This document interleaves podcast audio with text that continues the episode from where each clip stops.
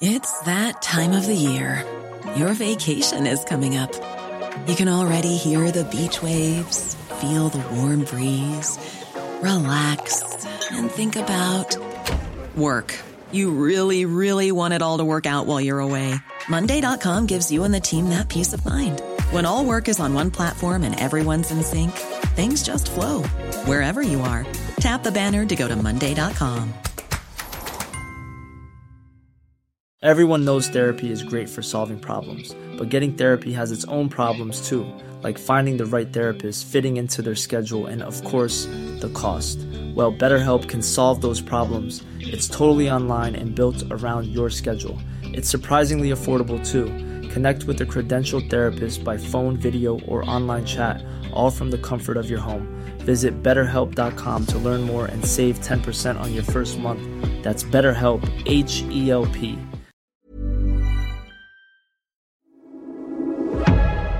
Du lyssnar på GVS ljudböcker.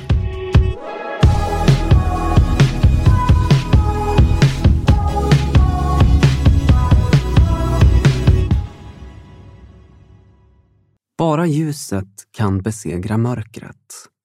Av Sebastian Staxet. Kapitel 14 Ett nytt hjärta. Jag var glad och nöjd på så många sätt. Jag hade bett med fyra människor till frälsning på två dagar. Jag kunde inte tro att det var sant. Det kändes så bra i hjärtat. Fyra människor hade ryckts från djävulens händer och fått omfamnas av Faderns varma famn. Det kändes som om Herren hade kallat mig just till detta. Att föra människor till Jesus.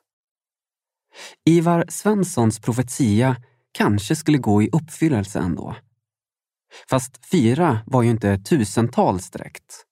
Men ändå. Jag satt och bläddrade genom flödet på min telefon. Då såg jag det. Jag tappade hakan. Jag kunde inte förstå att det var sant. Jag stirrade på en digital affisch där det stod Awakening Europe. Det skulle hållas en tre dagar lång evangelisk storsatsning i Stockholm. Gissa var? Friends Arena. Jag ringde Hernan och ropade. Pastor, nu händer det! Nu händer synen vi såg i Gnesta! Pastor Hernan lät glatt överraskad. Amen, amen! En man från Australien vid namn Ben Fitzgerald var eld och lågor över att sprida evangeliet i Europa. Nu hade de beslutat att hyra Sveriges största arena i tre dagar. De samarbetade med den Stockholmsbaserade kyrkan One Heart Church med pastorerna Kim och Maria Sjögren som i sin tur bjöd in många av Stockholms församlingar och ledare. Att göra denna jättesatsning i ett land som länge kallats världens mest sekulariserade kräver tro. Det var något som Ben Fitzgerald hade. Delar av den svenska kristenheten förväntade sig ett gigantiskt misslyckande. Typiskt. Den klassiska svennepessimismen slog in. Jag såg så mycket fram emot helgen och min förväntan visste inga gränser. Jag hade ju redan sett hur den skulle sluta två år tidigare. Tusentals händer skulle lyftas till Herren. Då såg jag något på kalendern som jag hade missat. Åh nej! Jag hade fått en bokning till Pingstkyrkan i Örebro samma fredag som Awakening skulle börja. Det innebar att jag skulle missa första kvällen. Det måste finnas någon väg att slippa det här, tänkte jag. Jag och Isabella pratade om att ställa in. Jag ringde Hernan och Louise. Kan jag ställa in den här Pingstkyrkan-grejen i Örebro? En typisk pastorsutläggning blev svaret. Jag måste ta mitt ansvar. Där man har lovat måste man hålla. Och så vidare. Okej, jag var alltså tvungen att åka. I bön fick jag samma svar från Herren. Jag undrade då vilken av pastorerna som skulle följa med mig till Örebro eftersom vi bestämt att jag inte skulle åka ut ensam den första tiden. Jag ringde först Hernan. Bror, jag kan inte. Jag ska på Awakening. Samma svar kom från Bosse. Louise sa, nej bror, jag ska på Awakening. Åk med Isabella. Vilka tappra stridsmän. Typiskt.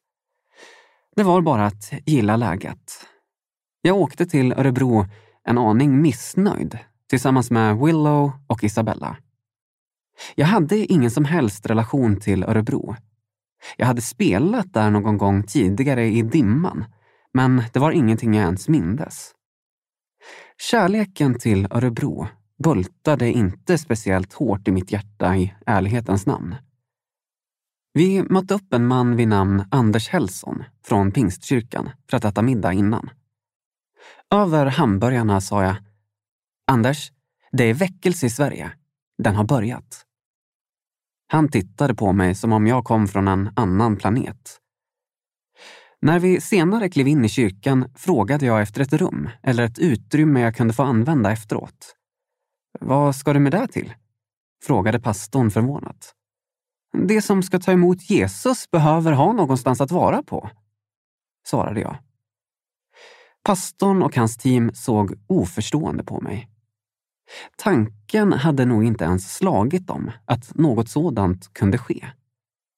Den kristna ökenstorm som blåste ut elden i kyrkorna i Sverige de senaste 30 åren hade onekligen satt sina förödande spår. Jag sprang upp på scenen, ung och oerfaren, men nyförälskad och med ett brinnande hjärta för Jesus. Efter en stapplande predikan och ett självupplevt vittnesbörd bjöd jag människorna som ville till det angränsande rummet som jag fått tillgång till för bön och frälsning. Pastorerna Sören och Edvard tappade hakan. En kö på 25 personer radade upp sig. Vi bad med alla. Sju av dem tog emot Jesus i sina hjärtan. Vilken seger! Aldrig tidigare hade jag upplevt något liknande. Sju personer frälsta på samma dag.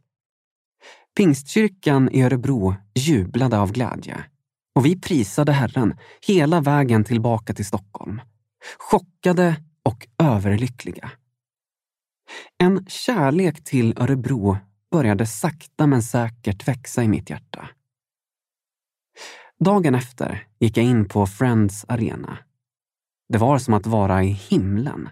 Guds närvaro var så stark. Det kändes som att bli buren in av änglar.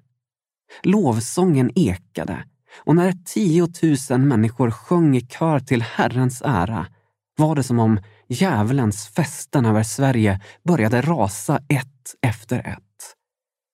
Jesus hade utan tvekan satt ner sin fot i Sverige. Aftonbladet skrev en stor artikel om att Friends Arena hade fått en ny frälsare, Jesus. När Todd White bjöd in till frälsning och befrielse på lördagskvällen flög folk över bänkraderna och sprang fram för att bli frälsta. Ett enormt hav av människor böjde sina knän, lyfte sina händer och tog emot Herren i sina hjärtan. Atmosfären var det starkaste jag upplevt i Guds närvaro. Dagen efter samlades en stor del av stadens ledande pastorer uppe på scenen. Joakim Lundqvist höll en fantastisk predikan. Ledarna från församlingarna stod plötsligt i tårar och bad hela Friends Arena och varandra om förlåtelse. Vi har motverkat varandra istället för att samverka. Förlåt ropade det en efter en. Pastor Hernan stod uppe på scenen med pastorerna. Plötsligt kom någon upp med Sveriges flagga och vecklade ut den på scenen. Det gula korset lyste. Sen tog pastorerna på scenen varandra i armkrok och började marschera på scenen. Exakt som i synen Gud hade visat oss två år tidigare i Gnesta. Jag stod långt bak i arenan, högt upp på en läktare. Men Guds mäktiga kraft slog ner mig i bänken så jag blev liggande. Isabella, Joakim och Therese försökte få kontakt med mig. Sebbe, vad händer? frågade de. Men jag kunde inte svara. Jag bara grät okontrollerat och skrek. Aj! Sen kände jag fysiskt hur det var som att mitt hjärta slets ur bröstet och ersattes med ett nytt hjärta. Det gjorde så ont, men efteråt fylldes jag av en enorm tacksamhet. Jag ska ge er ett nytt hjärta och låta en ny ande komma in i er. Jag ska ta bort stenhjärtat ur er kropp och ge er ett hjärta av kött. Hesekiel kapitel 36, 26. Det var det som hade skett. Efter denna händelse kunde jag vittna om mitt gamla liv utan att falla in i destruktiva tankemönster. Jag hade verkligen blivit en ny människa. Totalt förvandlad. Den gamla mannen fanns inte längre. Ledarna från Awakening lade händerna på mig och bad. Jag upplevde hur Guds eld föll över mig. Det kändes som om jag brann inombords. Dagen efter predikade jag på ett möte i min hemförsamling Ichtus. När jag bjöd in till frälsning kom tio personer fram och tog emot Jesus. Fyra dagar senare höll vi ett möte till på samma plats. Tio personer till blev frälsta. Jag var som i chock. På en vecka hade jag sett 31 personer ta emot Jesus. Det var bara vad jag personligen hade varit med om. På Awakening hade flera tusen gått fram. Det var onekligen en ny tid för Sverige. Vi släppte videon till Förlåt, som vi spelat in i pappas hemland Norge. Känslan av att vilja säga förlåt till hela Sverige brann fortfarande starkt i mitt hjärta. Jag hade sagt förlåt till en man som jag slagit när jag sprungit på honom på ett kontor i city. Han hade blivit förvånad. Sen hade han kramat mig och sagt tack. En annan man hade jag stött på på Eriksdalsbadet. När jag såg honom mindes jag att jag hade slagit honom på en konsert. Jag gick fram och bad om förlåtelse. Han räckte mig handen och vi försonades. En annan man kom till mitt minne. Jag hade verkligen skadat honom under ett krogbesök på Stureplan. Jag fylldes av smärta. Det verkade inte finnas någon botten på det hav av människor jag skadat. Jag bestämde mig för att be honom om förlåtelse om jag såg honom igen. När jag senare var i bön så sa Herren till mig Stefan Svärd kommer att välsigna dig. Jag blev glatt överraskad. Stefan Svärd var en legendar inom kyrkan i Sverige. Han är även Hernans pastor. Jag undrade nyfiket hur det skulle gå till när Stefan Svärd skulle välsigna mig. Jag var oerhört tacksam för min vän Shivan som hjälpt mig under mitt avhopp från det gamla. Han var gruppen Medinas manager Joakim och KJs manager och även en gammal vän till mig. Han hade ställt upp i vått och torrt, hjälpt mig och Isabella med ekonomi när vi inte haft något. Månad efter månad. När vi spelade in våra videor fanns han med och finansierade. Han var även med i Norge under inspelningen. Han hade sett så mycket skit i branschen. Droger och människor som flugit högt upp för att sedan krascha. Ungdomar som lockades in i någonting som han visste bara var skräp. Så hans hjärta brann nu för att vi skulle göra något som faktiskt var bra, för en gångs skull. Och det ville han vara med och backa upp. Nästan direkt fick vi höra om något fantastiskt som skett. En tjej hörde av sig på Instagram. Det vi läste fick oss genast att ringa upp henne. Jag och Isabella pratade med denna unga kvinna från Dalarna och grät av tacksamhet när vi hörde hennes historia. Hon hade suttit med ett hagelgevär för att ta sitt liv. Hon hade tröttnat på allt och bestämt sig för att hon inte längre ville leva. Hennes radio hade stått på och hon hade lyssnat på P3. Precis när hon kramade avtryckaren med pipan, tryckt under hakan, hade låten Förlåt ekat ut från hennes radio. Då hade hon plötsligt och oförberett vänt huvudet mot radion för att lyssna samtidigt som fingret kramade avtryckaren och skottet brann av. Haglet hade missat hennes huvud med några millimeter och salvan hade satt sig i taket. Det var ett mirakel. Vi bad tillsammans med henne över telefon och hon tog emot Jesus. Hon förstod att det var Gud som hade räddat hennes liv. Någon vecka senare besökte jag Södermalmskyrkan i Stockholm. 1100 unga människor kom för att höra budskapet om Jesus Kristus. Jag tappade hakan. Omkring hundra personer blev frälsta den kvällen. Jag saknade ord. Elden hade verkligen fallit över mig. Det var på riktigt. Två dagar senare stod jag på scen i Philadelphia kyrkan i Stockholm. Där såg vi cirka 35 personer bli frälsta. En kille hade gått förbi av misstag. Han var precis nymuckad från kåken och hade befunnit sig mitt uppe i en drogaffär och hoppat av på stationen Karlberg. När han oavsiktligt passerat kyrkan på väg till tunnelbanan hade någon sagt Känner du till Sebbe? Det gjorde han.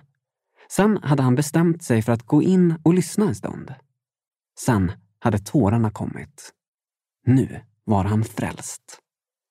Ett kriminellt ungdomsgäng på sex, sju personer från Botkyrka hade bestämt sig för att besöka kyrkan och lyssna på mig då en av grabbarnas mamma hade blivit allvarligt sjuk och inlagd på sjukhus. Han hade blivit så deppig och ledsen att hans vänner tänkte Sebbe kanske kan säga något till brorsan så han mår bättre. Det kom in med stora jackor och stank hash och pratade i mobil och väsnades alla orten. Efter mötet bad jag med killen till frälsning. Kan vi be för min mamma? sa han med en lika sorgsen som vädjande blick. Såklart vi ska, sa vi. Hernan och Isabella bad för hans mamma. Sen gick han ut och rökte. Efter bara några minuter kom han springande in med tårar i ögonen. Världens största leende och viftande med mobilen. Mamma är frisk! Mamma är frisk! Hon får komma hem ikväll. Abu!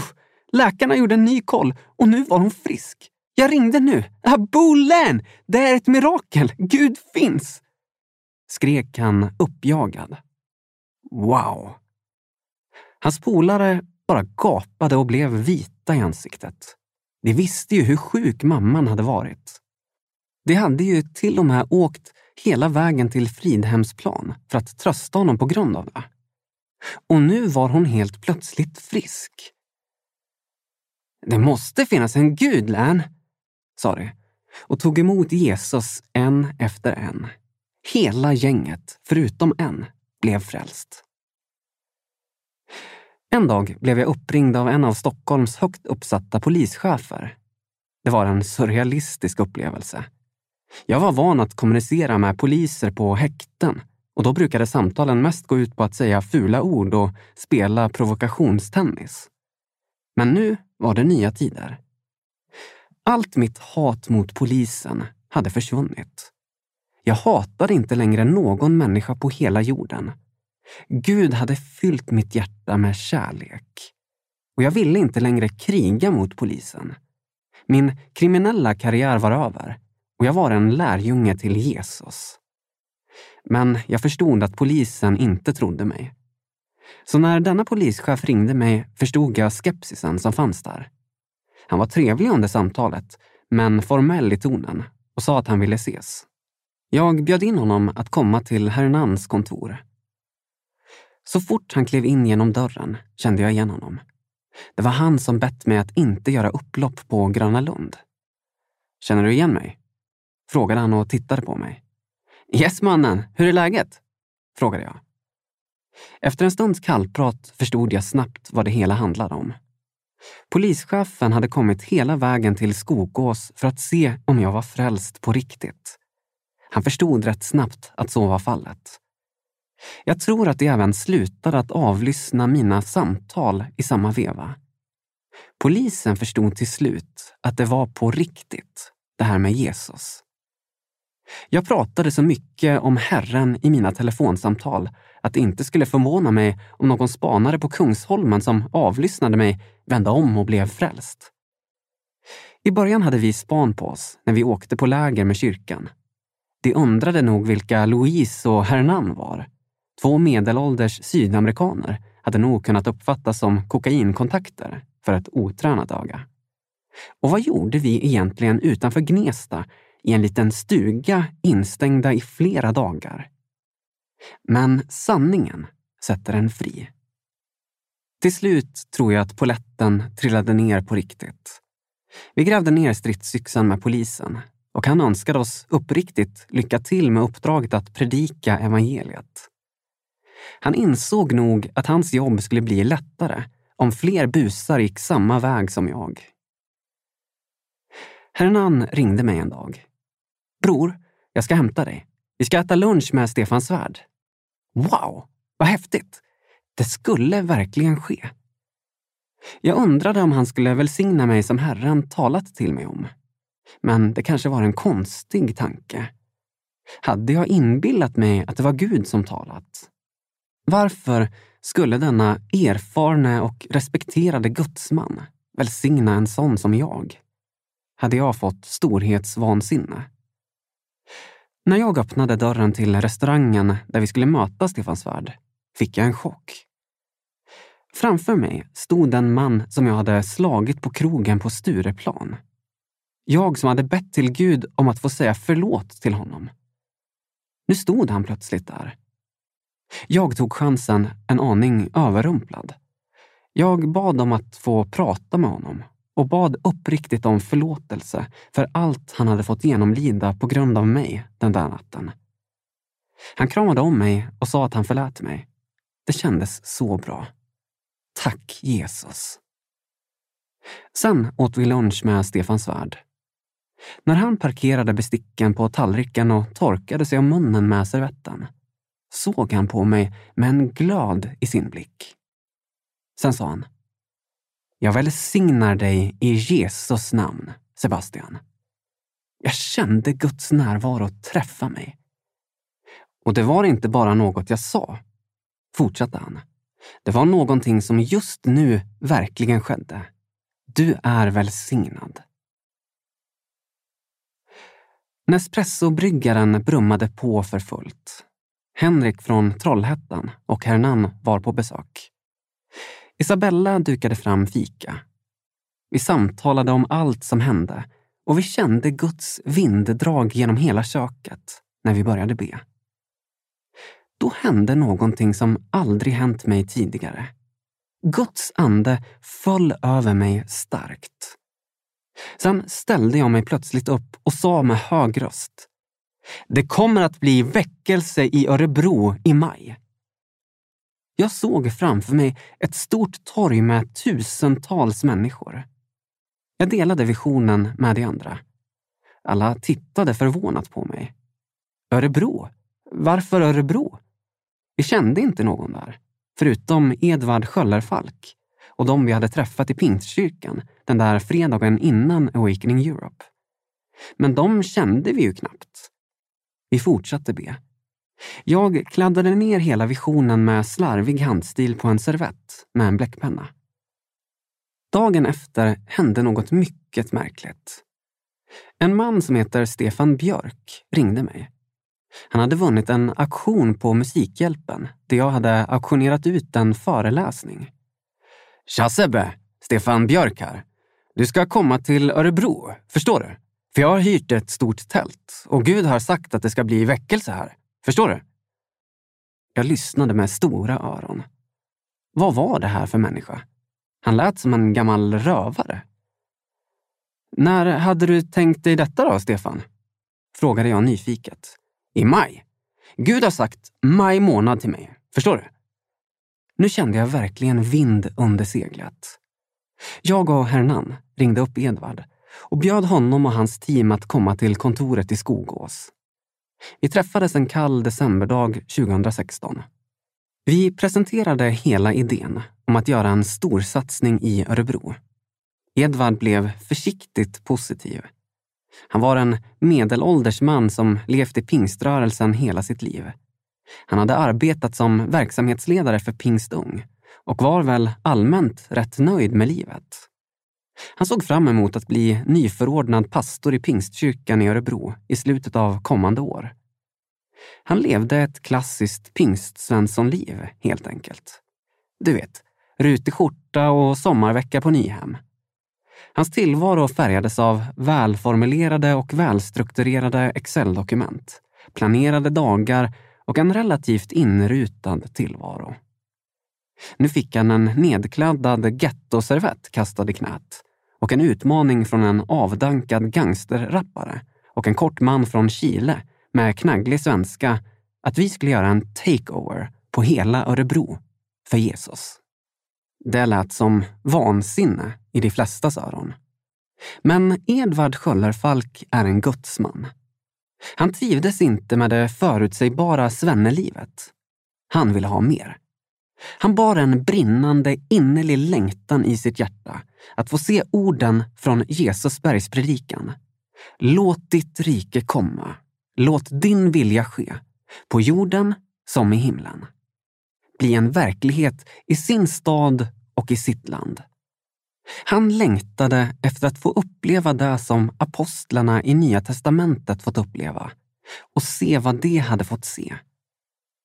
Ibland upplevde han det som om han var instängd i en verksamhet och ibland kändes det som han var anställd på ett museum. Att allting rullade på så bra för egen maskin att Guds ande knappt behövdes. Fruktansvärt, men sant. Nu fick han en chans att springa utanför de målade linjerna. Han tog den direkt. I januari 2017 satte vi oss i Hernans Opel och satte kurs mot Örebro. Edvard hade samlat ihop ett tjugotal pastorer och ledare.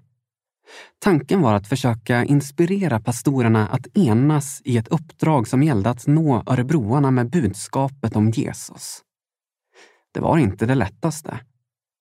Att ena församlingar och pastorer är faktiskt många gånger det svåraste i hela missionsuppdraget. Dagen innan vi åkte satt jag och bad med Lennart Torebring som är pastor i Södermalmskyrkan i Stockholm. Han berättade att det var en historiskt svår uppgift att ena ledarna i Örebro. Många hade försökt. Få hade lyckats. Vi bad och han önskade mig och Hernan lycka till. När vi kom fram till den stora tegelkyrkan hälsade vi glatt på alla ledarna. Det såg minst sagt lite avvaktande ut. Efter mitt brandtal om väckelse i Örebro blev det helt tyst i rummet. Edvard såg lite nervös ut. Då ställde sig plötsligt en kvinna upp vid namn Rigmor Holst. Hon var en högt ansedd gudskvinna som gjort mycket för Sverige. Jag tror detta kommer från Gud, sa hon och fortsatte. Igår var vi i kyrkan på ett barnmöte när det plötsligt sprang in en tatuerad man och skrek. Jag behöver en pastor. Jag har precis pratat med Sebbe i telefon och nu är jag frälst. Alla i rummet spärrade upp ögonen. Mannen som jag bett med till frälsning var grovt kriminell och hade blivit andedöpt efter att jag bett med honom när han låg och meckade under en bil. Jag sa till honom att söka upp första bästa kyrka och berätta för pastorn vad som hänt. Han hade sprungit rakt in i Rigmors kyrka. Det var signalen som ledarna hade väntat på. Vi ställde oss upp och började be för Örebro. Och den helige ande föll över oss. Finns det något torg här i Örebro? Frågade jag. Jag såg ett torg i visionen. Då tittade en kvinna på mig. Ja, ett jättefint torg, Stortorget heter det. Men efter att Musikhjälpen var här så döptes torget om och i folkmun heter det numera Kärlekens torg. Haha! Herren har humor. Här kommer berättelsen om Andy.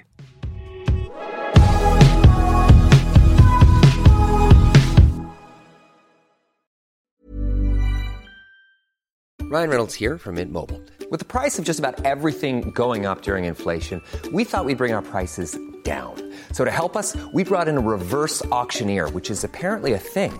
Mint Mobile unlimited premium wireless. Ready to get 30, 30, bit to get 30, bit to get 20, 20, 20, bit to get 20, 20, bit to get 15, 15, 15, 15 just 15 bucks a month. So, Give it a try at mintmobile.com slash switch. $45 upfront for three months plus taxes and fees. Promo rate for new customers for limited time. Unlimited more than 40 gigabytes per month. Slows. Full terms at mintmobile.com. I'm Sandra, and I'm just the professional your small business was looking for. But you didn't hire me because you didn't use LinkedIn jobs. LinkedIn has professionals you can't find anywhere else, including those who aren't actively looking for a new job but might be open to the perfect role, like me. In a given month, over 70% of LinkedIn users don't visit other leading job sites. So if you're not looking on LinkedIn, you'll miss out on great candidates like Sandra. Start hiring professionals like a professional. Post your free job on linkedin.com/people today.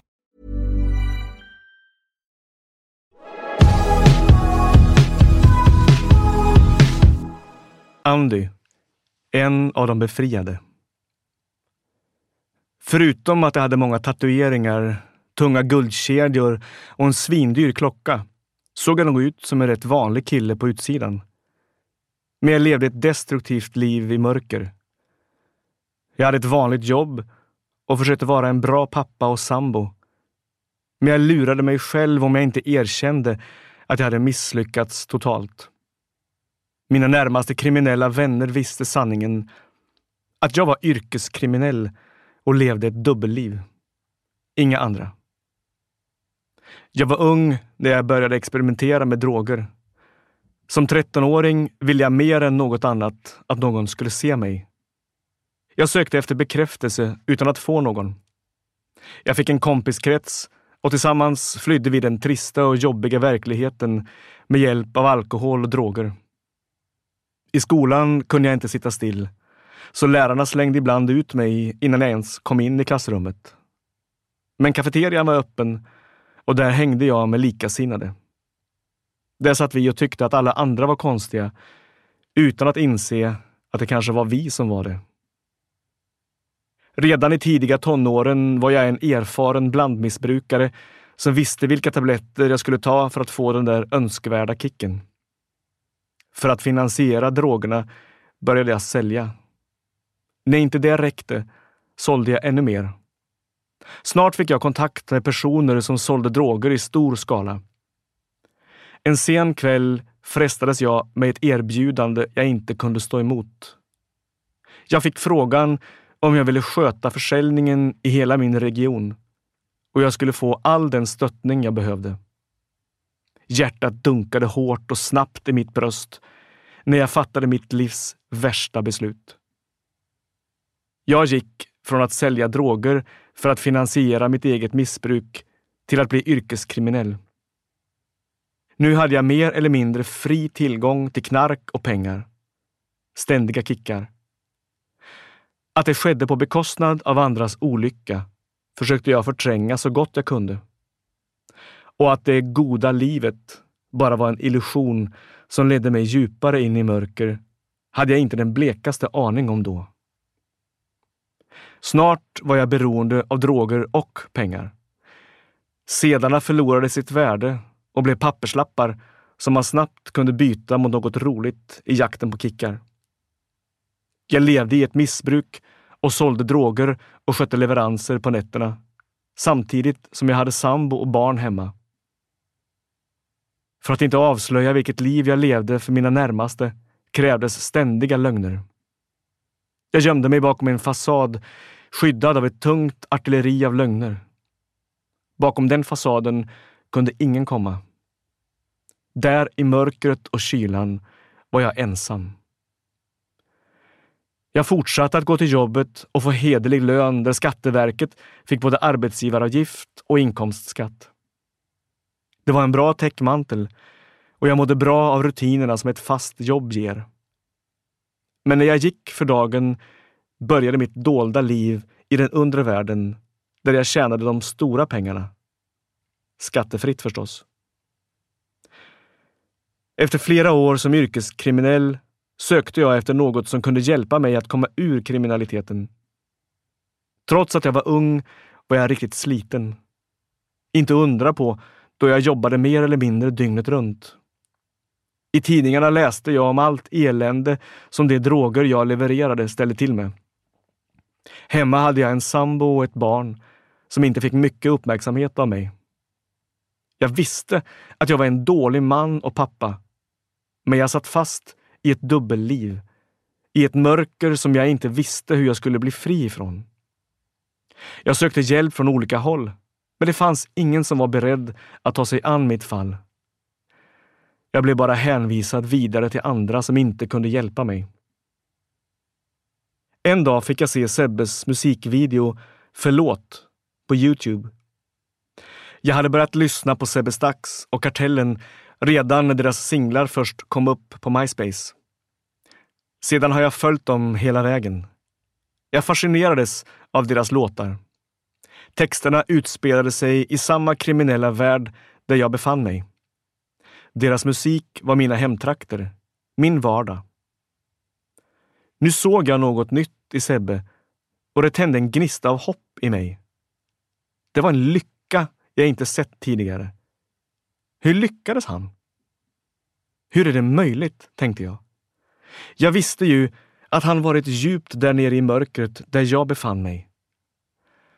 Om han kunde vara med om en förvandling kan det ju finnas hopp för mig, tänkte jag. Jag skrev ett meddelande på Instagram till Sebbe och frågade vad som hänt och hur han blivit så lycklig. Jag vill också ha det du har, skrev jag. Sebbe bad om mitt nummer. En tid senare låg jag under min kompis bil ute på en parkering och skulle byta olja. Det var en februarikväll och fem minusgrader ute. Telefonen ringde och det var Sebbe. Han talade med mig om Jesus och där under bilen överlät jag mitt liv åt Gud och inbjöd Jesus i mitt hjärta. Jag uppfylldes av den helige Ande och upplevde en sorts eufori. Det kändes som om det svarta hålet jag alltid haft i bröstet fylldes av något. Det var som om en liten gnista tändes. Ändå kändes det som en stor eufori i hela kroppen. Min kompis som stod vid motorhuven frågade flera gånger vad som hände där under bilen. Jag försökte förklara, men tvivlar på att mina ord kunde beskriva det enorma jag var med om. Något hade verkligen hänt. Jag hade fått uppleva den helige Ande och nu ville jag bara ha mer. Jag fick kontakt med en person som också levt ett rövarliv men som blivit frälst. Vi pratade i flera timmar. Jag kände att den där gnistan som tänts i bröstet bara blev större och större. Till slut frågade mannen om jag ville prata med och be tillsammans med en pastor. Det ville jag och vi bad tillsammans. När vi bett klart stod jag bara och stirrade rakt upp mot himlen. För första gången sedan jag var barn kände jag mig fridfull. Jag har ju testat droger av olika slag och det har gett kickar. Men det här var något helt annat. Jag kände att det hände något djupt på insidan, nästan något fysiskt. Det var som den starkaste av droger och jag ville bara ha mer. Det fick mig att ta steget in i en kyrka. När de bad för mig kände jag hur jag blev alldeles yr i huvudet och hur hela jorden snurrade. På ett sätt var det likt en fylla, fast utan de tråkiga bieffekterna. Det var häftigt, riktigt starkt. Jag kände hur Gud var påtagligt närvarande. Han visste förstås att för att jag skulle kunna tro behövde han visa sig tydligt för mig. Det gjorde han redan när jag låg under bilen i kylan och mörkret. Men nu var det som om hela min värld skakades om. Nu när jag mött Jesus insåg jag att jag behövde sluta med allt vad droger heter. Jag började må illa av att bara tänka på droger och efter en tid var jag helt fri från droger. Men jag behövde också sluta med droghandeln. Men det var inget vanligt yrke och det fanns liksom inga uppsägningsblanketter att fylla i med en månads uppsägningstid. Jag var tvungen att betala en stor summa pengar för att få lämna. Jag skickade alla pengar jag kunde få fram, men ändå saknades en stor summa och jag var bara tvungen att fixa fram pengarna om jag ville fortsätta leva. Så var det bara. Om det hade varit risk att hamna hos Kronofogden hade jag sovit gott på natten och kunnat andas ut. Men det var inte Kronofogden som var ute efter mig. Hoten började komma. Att jag blev hotad kunde jag hantera på ett sätt. Men när hoten också började gälla min familj kröp det verkligen under skinnet. Det var då jag berättade sanningen om mitt hemliga dubbelliv. Min sambo blev såklart panikslagen.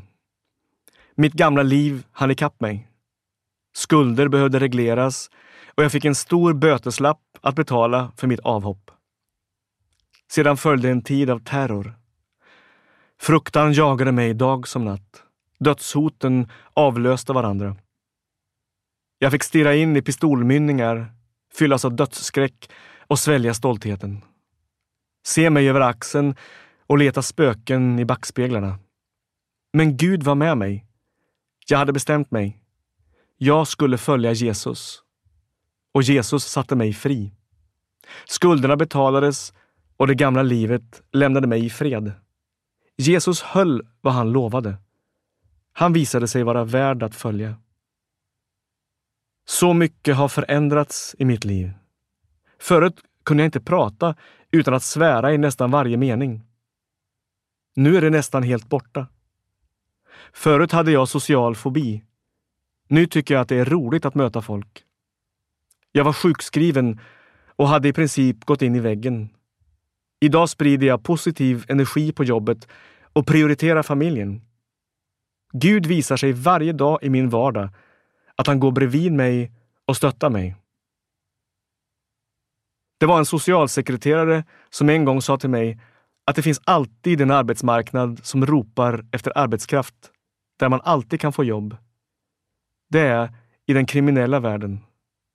Den kan verka häftig när man ser den skildras i filmer. Men tro mig, det är inte så roligt när man sitter där med en pistol mot sitt huvud. Eller när man hamnar i bagageluckan eller blir helt blåst av sin bästa vän för en struntsak. Då är det inte så häftigt längre. Det finns ingen ärlighet i den världen. Jag mötte Jesus och det är det bästa som hänt mig. Nu vill jag sprida glädje, positivitet och kärlek. Och jag drömmer om att få hjälpa ungdomar att hamna rätt i livet. Boken kan du lyssna på i sin helhet utan reklam på Storytel. Hey, it's Paige DeSorbo from Giggly Squad. High quality fashion without the price tag. Say hello to Quince. I'm snagging high-end essentials like cozy cashmere sweaters, sleek leather jackets, fine jewelry, and so much more. With Quince being 50 to 80% less than similar brands and they partner with factories that prioritize safe ethical and responsible manufacturing. I love that. Luxury quality within reach. Go to quince.com slash style to get free shipping and 365 day returns on your next order. quince.com slash style